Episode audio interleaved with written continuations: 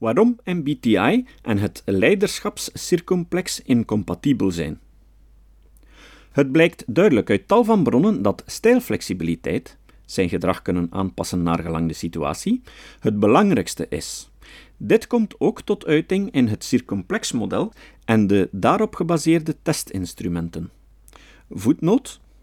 Zoals de NIAS, Nederlandse Interpersoonlijke Adjectieve Schaal, Rookhout en Schacht 2000, de CLS 360, de Circumplex Leadership Scan 360 graden, Rookhout et al. 2007, en IIP, Inventory of Interpersonal Problems, Horowitz, Halden, Wiggins en Pincus 2000, de IAS, Interpersonal Adjective Scales, Wiggins, Trapnell en Phillips 1988, de CSIV, de Circumplex Scales of Interpersonal Values, Locke 2000, of de IMI-C, Impact Message Inventory Circumplex, Kiesler, Schmidt en Wagner 1997.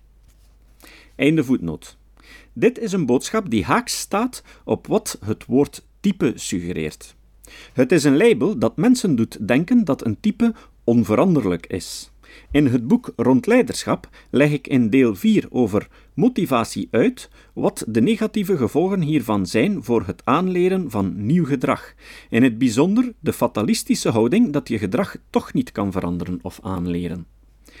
Typologieën versterken bovendien de schadelijke effecten van de neiging van ons brein om mensen en dingen te gaan categoriseren waardoor we zaken sneller lijken te begrijpen.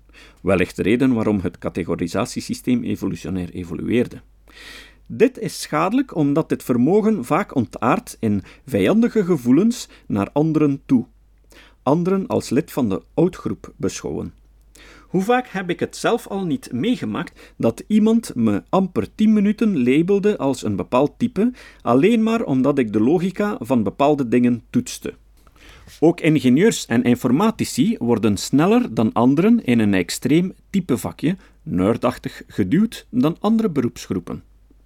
De vage en vooral positieve bewoordingen van MBTI klinken aantrekkelijk en spelen in op het zelfvermeerderingsprincipe, self-enhancement, of de neiging te denken dat we beter dan gemiddeld zijn. Maar niet alle gedrag, en zeker niet het gedrag van leidinggevenden, is goed wij bespreken met de deelnemers aan onze training bijvoorbeeld de gevolgen van een te autoritaire stijl. Is veel te vaak toegepast, er is een duidelijke tendens. In mijn boek rond leiderschap gaf ik uitgebreid aan wat de nadelen zijn van dit type leiderschap. Voetnoot.